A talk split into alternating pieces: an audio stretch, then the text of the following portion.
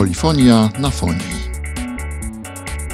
Tu Bartek Haciński, witam w szesnastym już odcinku podcastu Polifonia na fonii, który związany jest z blogiem Polifonia, który z kolei związany jest z tygodnikiem Polityka. Ten odcinek jest szczególny, nie dość, że pierwszy w nowym roku, to jeszcze pionierski pod innym względem. Ruszam się z mojego studia nagraniowego w kierunku kamienicy na warszawskim Mokotowie, gdzie na ostatnim piętrze studio nagraniowe zbudował sobie klarnecista, kompozytor i w tej chwili również producent Wacław Zimper. Będziemy rozmawiać o jego nowej płycie Massive Oscillations. Siedzimy w Twoim studiu nagraniowym. Kiedyś mówiłeś chyba w wywiadzie z Michałem Pudło, że chciałbyś zamieszkać w studiu nagraniowym. To powiedz, ile czasu tu spędzasz i czy to już w tym momencie zahacza o mieszkanie?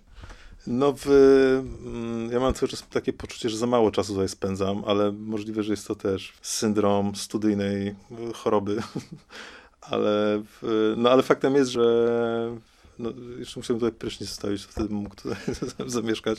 Natomiast w, no, dużo jednak podróżuję i jeżdżę z koncertami, także ten balans jakoś między, między tworzeniem muzyki w studio i graniem muzyki na żywo staram się utrzymać. Natomiast no, tak czuję, że to studio i możliwości, które ono daje, tak mnie wciągają, że chciałbym z całą pewnością więcej tutaj być i pracować sobie. Dobrze, dobrze, ale, ale więcej to znaczy ile i ile to znaczy wystarczająco dużo w, w tym momencie?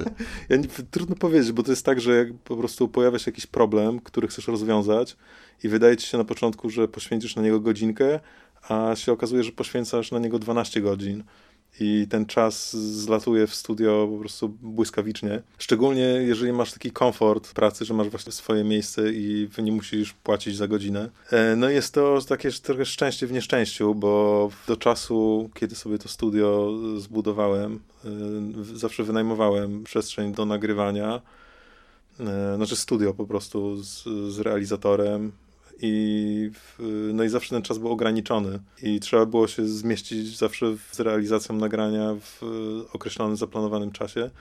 No i zawsze jakoś było tak, że, że to się udawało zrobić. I nie wiem dlaczego tak jest, jakoś umysł y, ludzki tak działa. W każdym razie mój tak działa, że jeżeli mam narzucone z góry ramy i wiem, że muszę się w nich zmieścić, to tak zawsze się udaje. Natomiast jak mam teoretycznie nieograniczoną ilość tego czasu, to często mi jest bardzo trudno podjąć decyzję i często wydaje mi się, że te godziny spędzone w studio e, nie zawsze są produktywne, bo często jest tak, że się w, trochę wchodzi w kółko, a w momencie, kiedy musisz po prostu tą decyzję podjąć, e, bo, bo ogranicza cię czas, to po prostu mówisz, ok, dobra, to jest ok, jedziemy dalej. I zazwyczaj to, zazwyczaj to jest ok, się później okazuje, a w studio można skasować, wyrzucić do śmieci całą masę rzeczy, które prawdopodobnie w innych warunkach by mogły ujrzeć światło dzienne.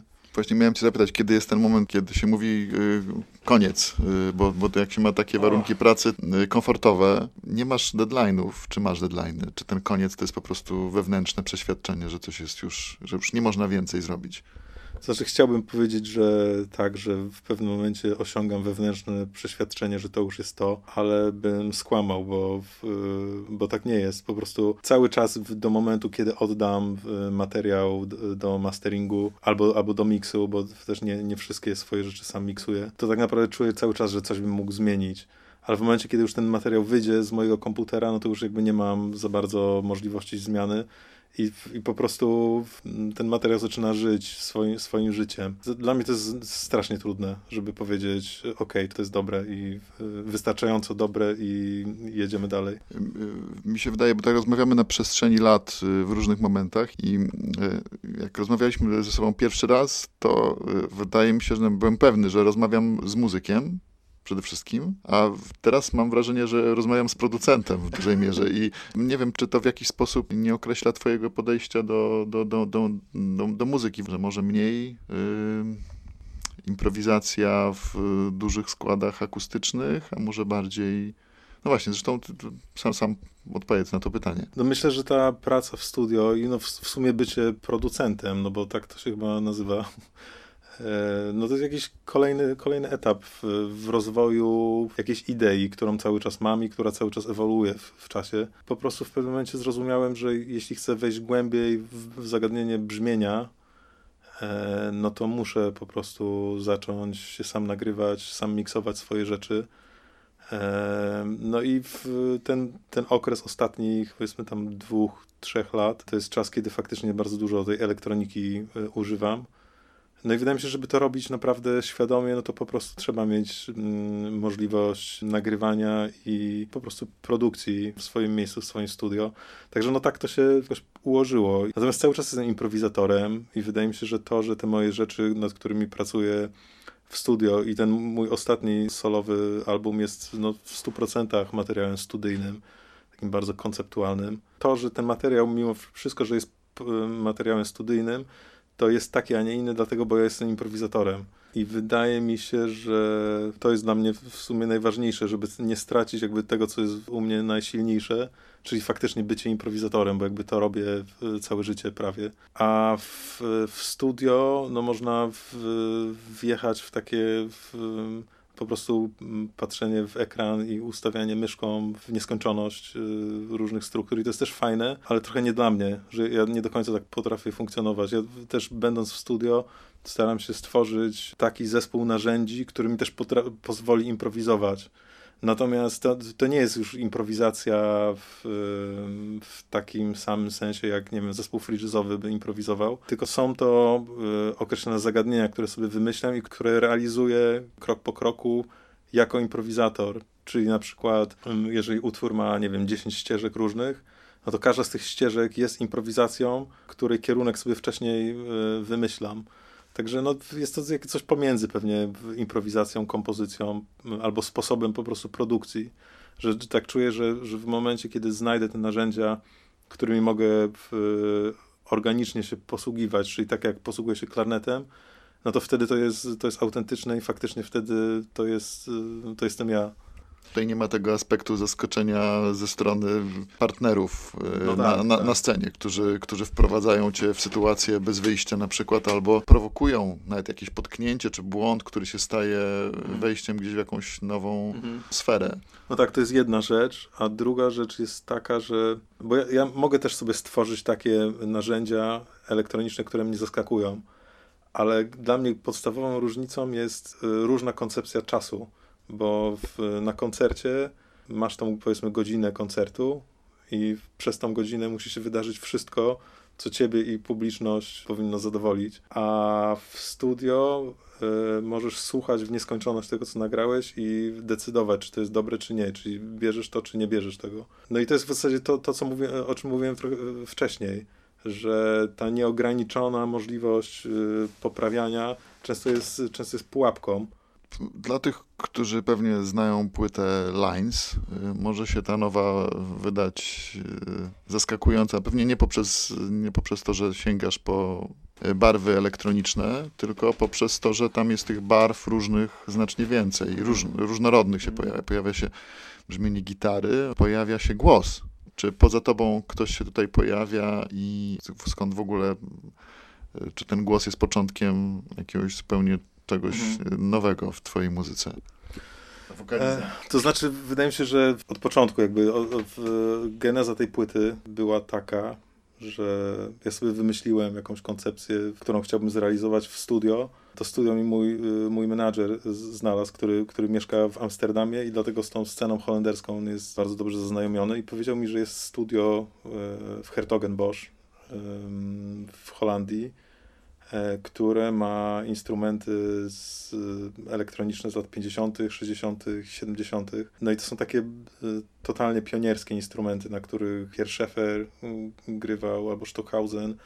Też z, tych, z początku lat 70., na przykład syntezator ARP 2500, różne filtry, właśnie oscylatory, magnetofony taśmowe. No i, w, no i w, udało mi się zorganizować tam taką rezydencję na 10 dni. No i pojechałem tam z tymi swoimi e, pomysłami do zrealizowania, ale jak zobaczyłem te wszystkie instrumenty i te możliwości, które one dają, to kompletnie zarzuciłem tę tą koncepcję, którą miałem na początku i pozwoliłem tym instrumentom podyktować mi to, w jaką stronę pójść. I działałem tam tak zupełnie, zupełnie intuicyjnie, bo jakby, żeby zrozumieć tak naprawdę te wszystkie stare instrumenty, po prostu poczułem, że nie ma na to czasu i muszę być trochę jak dziecko w, w sklepie z zabawkami. No nie ma instrukcji obsługi tam nigdzie.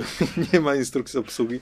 Natomiast jest tam e, Hans Kulk, który e, zawiaduje całym tym studiem i on jest takim mistrzem starych technik muzyki konkretnej Także on był taką, takim przewodnikiem dla mnie po tym, po tym studiu. No i te utwory zaczęły nabierać form. I pierwsza taka dziwna rzecz w ogóle, która się tam wydarzyła, to na, na drugi znaczy pierwszego dnia coś tam e, ponagrywałem i na drugi dzień chciałem zobaczyć, jak klarnet z tym, z tym brzmi.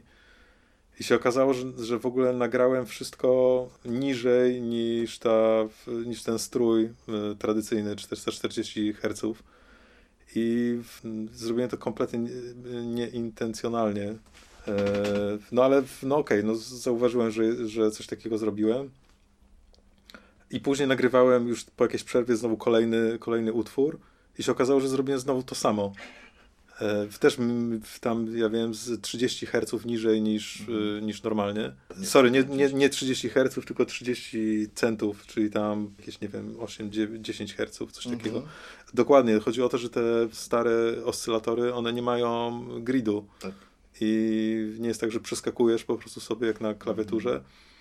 tylko w, to jest bardziej jak na, nie wiem, na strunowym instrumencie. E, no i, w, i, no i nastroiłem tak, co, co było dla mnie też dziwne, bo zazwyczaj jak, jak muszę nastroić instrument tego typu, to zazwyczaj ląduje na właściwej częstotliwości. Ale w, po chwili zrozumiałem, że tam dzwony w katedrze Hertogenbosch świętego Jana, która jest obok tego studia, bardzo często dzwonią y, głośno i je y, bardzo dobrze słychać. I się okazało, że ja po prostu nastroiłem te oscylatory do tych dzwonów, tak totalnie podświadomie.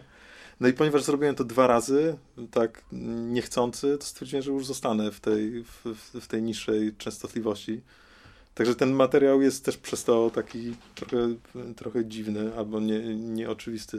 Czyli te dzwony były strojone nie do 440 w każdym nie, razie. Były, to znaczy wiadomo, że jak się odpali internet i się zacznie szperać yy, i czytać w częstotliwościach, to jest tam cała religia yy, z, związana z tym, z tym innym strojem. Natomiast ja jestem dosyć sceptyczny co, co do tego, bo przede wszystkim dlatego, że są instrumenty, które operują pełnym spektrum y, częstotliwości, niekoniecznie korzystają z, z, z jakiegokolwiek systemu skalowego, no, na przykład różne perkusyjne instrumenty. Ale jakby z, abstrahując od tego, faktem jest, że dzwony w, w katedrze w Hertogenbosch są nastawione niżej i nie jest to 440 e, Hz. No i w, znaczy nie wiem, no to jest taka w sumie, w sumie bardzo typowa sytuacja improwizacyjna.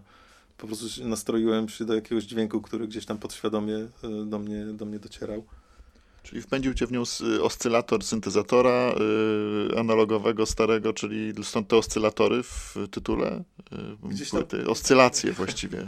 W sumie, w sumie gdzieś tam tak. Też, też to, że po prostu te instrumenty uruchamiały jakiś proces u mnie, który przychodził z jednego, yy, z jednego stanu w drugi.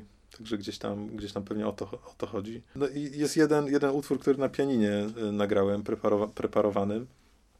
I tak po prostu pomyślałem, że fajnie byłoby, gdyby tam jeszcze był kontrabas i głos. Na, na kontrabasie Wojtek Traczyk gra, a, na, a śpiewa Holy Hawk. Całą postprodukcję robiłem, robiłem tutaj, w, tutaj w studiu w Warszawie i w momencie, kiedy stwierdziłem, że te formy już są jakąś całością i faktycznie poczułem, po pierwsze, że deadline mnie goniły i musiałem już to zacząć miksować, no zdecydowałem, że okej, okay, że to już jest ten moment, chociaż pewnie gdybym nie miał tego deadline'u, to bym jeszcze do teraz nad tym wszystkim siedział. No w każdym razie wysłałem to do Jamesa Holdena, który, który zmiksował e, ten materiał, bo stwierdziłem, że jakby jest tam tak dużo różnych warstw i bardzo dużo rzeczy się działo w, w podobnych obszarach, jeśli chodzi właśnie o to spektrum częstotliwości, że stwierdziłem, że dla mnie to jest już za dużo, żeby znaczy miałem już za, za mało e, dystansów, żeby, żeby, to, żeby to samemu robić. A ponieważ Holden jest taką niezwykłą osobą, niezwykłym muzykiem i e, uwielbiam po prostu jego sposób miksu. No i tak ten proces się zakończył na, na miksach Holdena. Rozmawialiśmy poprzednio przy okazji wywiadu tuż po paszporcie, prawie trzy lata temu, jak się okazuje już. Myślałem, że to było przed momentem dosłownie. I to wtedy rozmawialiśmy o podróżach twoich na wschód. Teraz głównie, głównie wydaje mi się, że podróżujesz na zachód jakoś ostatnio, albo może po prostu ja uogólniam to i, yy, i w jakiś sposób wcześniej nie byłem skłonny widzieć tego, że, mhm. że nawiązujesz jakieś kooperacje z muzykami z zachodu, a pojawił się Holden, pojawił się Shackleton, pojawiły się nazwiska muzyków brytyjskich. Powiedz, jak do nich dotarłeś? Mhm. Właściwie jak też dotarła wieść o tobie do nich, bo wiadomo, że świat jest bezlitosny pod tym względem i centrum jest gdzieś w okolicach bardziej obszaru anglosaskiego, więc przebić się y, z rubieży, że tak powiem, do, do, do tego centrum jest trudniej niż w odwrotną stronę. No, w, faktycznie chyba tak cały czas jest, że to centrum świata muzycznego jest cały czas bardziej zachodnie, anglosaskie.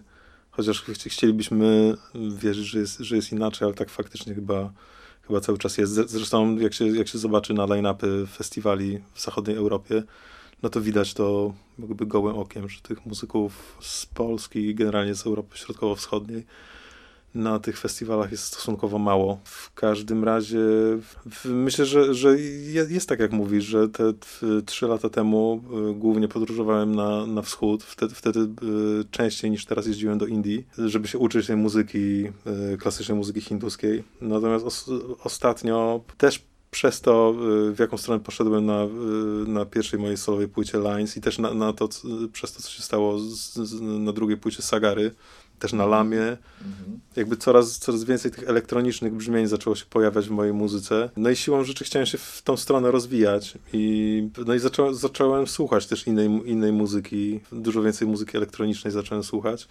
Natomiast moje spotkanie z Holdenem i z Shackletonem były, w, w ogóle nie było zaplanowane w żaden, w żaden sposób. Holden e, wyrzucił do swojej listy top 10 w 2017 chyba roku yy, moją płytę z Kubą Ziołkiem. Parę miesięcy później graliśmy z Holdenem na tym samym festiwalu Rewire w Hadze.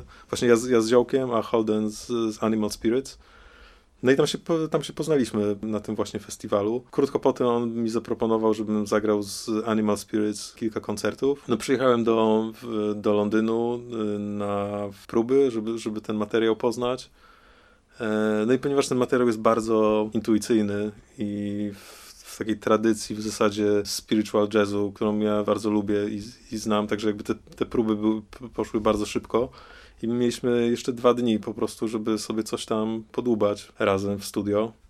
No i po prostu zaczęliśmy grać. Nagraliśmy dwa utwory, które się na, w marcu pojawią na naszej epce, plus dwa utwory, które y, nagraliśmy później jeszcze z Kubą Ziołkiem. No i tak ta nasza współpraca się, się zaczęła. Właśnie w, najpierw nagraliśmy parę rzeczy, potem y, zagrałem w sumie, nie wiem, pewnie z 20 koncertów z Animal Spirits. Też James, jak wcześniej mówiłem, zmiksował cały mój y, solowy materiał, co też było w sumie niesamowitym doświadczeniem, jak ta, jak ta muzyka się zmienia, jak y, to, że on zwraca uwagę na trochę inne rzeczy niż ja, albo dawał wybrzmieć innym rzeczom niż ja, zaczęło sprawiać, że ta muzyka y, jeszcze się otworzyła. No także ta moja współpraca z Jamesem tak, tak właśnie się nawiązała i, i, no i trwa w tej chwili, bo gramy koncerty w duecie, planujemy sporo koncertów w duecie, jest sporo, sporo rzeczy pobukowanych. Natomiast y, z Shackletonem w zasadzie w,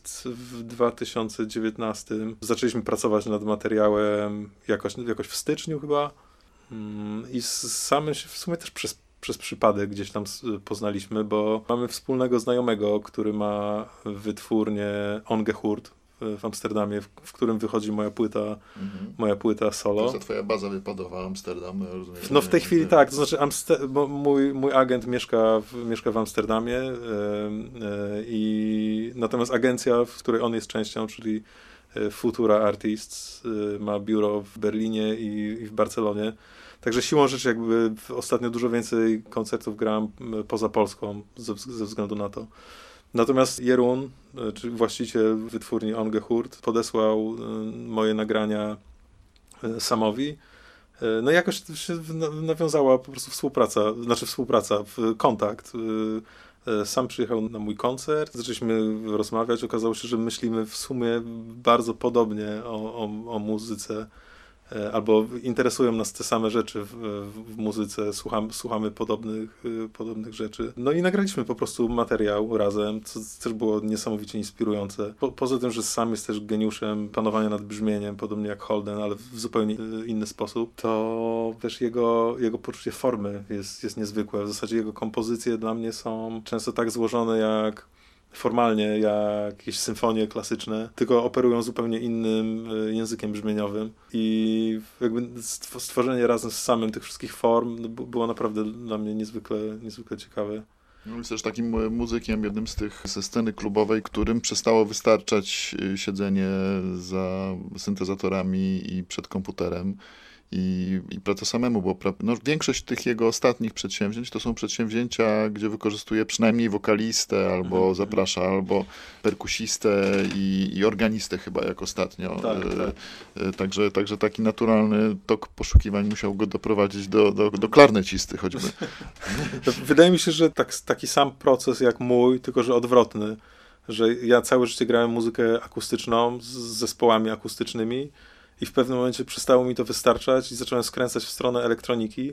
I to samo się wydarzyło u Shackletona i u Holdena. Tylko, że oni poczuli, że chcą mieć więcej organicznego brzmienia i dlatego zaczęli współpracować z muzykami y, grającymi na instrumentach akustycznych. Myślę, że na tym, na tym to mniej więcej, mniej więcej polega.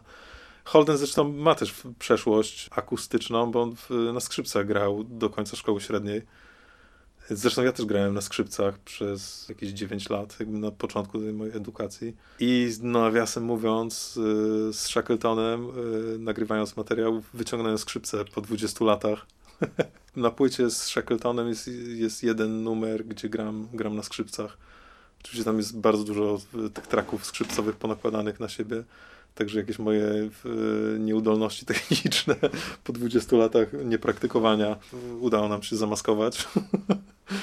No ale tak. No, ale zabrałeś instrument ze sobą. To znaczy, że, za, że jakby wierzyłeś w to, że Wiesz, możesz, to czy tam na miejscu były jakby, znaczy, nie, to samym, że twoje skrzypce. Z, samym, z samym nagrywaliśmy częściowo tutaj, u mnie w Warszawie, częściowo, częściowo u niego w studio w Berlinie. To był, był taki proces w dużej mierze korespondencyjny, wysyłaliśmy sobie nawzajem traki, ale też mieliśmy kilka takich bardzo intensywnych, kilkudniowych sesji nagraniowych. E, no i któregoś razu sam mi coś przesłał, ja stwierdziłem, że kurczę, może fajnie byłoby mieć tam skrzypce. No i w, nagrałem tam coś na skrzypcach, e, wysłałem to do, do, do sama, później przyjechałem i, i nagraliśmy po prostu e, taki obszerny materiał skrzypcowy, który się pojawił na, na jednym traku pewien taki element, wydaje mi się, takiego, y, takiej ostrożności, może, no nie wiem, konserwatyzmu to może nie, ale takiego nawiązania do tradycji co jakiś czas też na tej płycie y, najnowszej wraca, bo ona się nawet zaczyna od takiego dronu, który y, nie wiem, czy on jest elektroniczny właściwie, ale który przypomina sitar, czy jakiś tradycyjny dron z muzyki hinduskiej. Ten pierwszy, pierwszy utwór on jest w zasadzie w całości, nie licząc klarnetu, jest w całości nagrany na syntezatorze ARP 2500, takim bardzo unikatowym syntezatorze, który, ja nie wiem, chyba tam z 300 kopii jego powstało, prawie nigdzie tego nie ma. A w tym studio właśnie mają ten, ten instrument. I w, w, też była śmieszna, śmieszna historia, bo siedziałem do nocy w tym studio i mieszkałem w, w takim Airbnb u starszej pani, która zmuszała mnie do tego, żeby być w, w domu chyba przed 11, jakoś tak. Troszeczkę nie mogłem się z tego, z tego wycofać. E... Higieniczne warunki pracy. Dokładnie, higieniczne warunki pracy, ale przez to musiałem, w, zanim skończyłem e, pracę nad, nad tym syntezatorem tego dnia, musiałem w, pójść spać i wrócić następnego dnia rano. No i wyłączyłem syntezator, wróciłem następnego dnia rano, włączyłem syntezator i się okazało, że po prostu to jest totalnie coś innego niż to, co y, opracowałem wcześniej. No i zacząłem, byłem zmartwiony, bo tam to mi się podobało, co zrobiłem. No ale zacząłem kręcić tymi gałami i, w, i coś z, doszedłem do czegoś innego, e, co ostatecznie jest tym utworem, który, który jest na, na płycie. I później, jak ekipa ze studia przysz, e, przyszła i powiedziała im, co się stało, oni mówią, no tak, bo po prostu jak robisz coś wieczorem i chcesz następnego dnia rano zacząć, to nie możesz wyłączać tego syntezatora, bo zanim on się nagrzeje i tak dalej, no to, to są z dwie godziny. Także ja po, prawdopodobnie powinienem był go włączyć, zostawić go na dwie godziny i wtedy wrócić. No w każdym razie dzięki temu ten numer, który, który jest na, na tym utworze jest tym, czym jest. E, no, e, ale to, te, ten jakby głos, czy tam sitar, e, to, to jest syntezator. I po prostu cała ta, cała ta płyta w zasadzie, ona w dużej mierze jest taką kwintesencją wszystkiego, co do tej pory w muzyce robiłem. Bo często te brzmienia syntezatorów, których używałem, one zmierzają do tego, co gdzieś tam w, mam w uszach, przez to, że grałem na przykład z muzykami z Indii, e, czy z, e, z muzykami free jazzowymi z, nie wiem, z Chicago e, i z, i z wszystkimi innymi muzykami, z, z którymi do tej pory grałem. Też jeśli chodzi o rytmy, to jest tam bardzo dużo rytmów, które zaczerpnąłem z, z, hinduskiego systemu rytmicznego, ale, ale trochę po swojemu to, to wszystko tam poukładałem. Natomiast no, tak, tak, przynajmniej ja tak funkcjonuję, że i wydaje mi się, że każdy, kto się tymi instrumentami elektronicznymi zajmuje, że zmierza się do jakiegoś brzmienia, no, które w tych uszach jest. Faktycznie te instrumenty, one też mogą, mogą nas zaskoczyć i poprowadzić nas gdzieś, ale, ale często tak jest, że obojętnie, czy ja wezmę klarnet, czy wezmę organy, czy jakiś tam syntezator i zagram melodię, to ta melodia będzie brzmiała no, po, po mojemu. Jakby nie, nie jestem w stanie od tego uciec chyba nie ma, nie ma takiej potrzeby.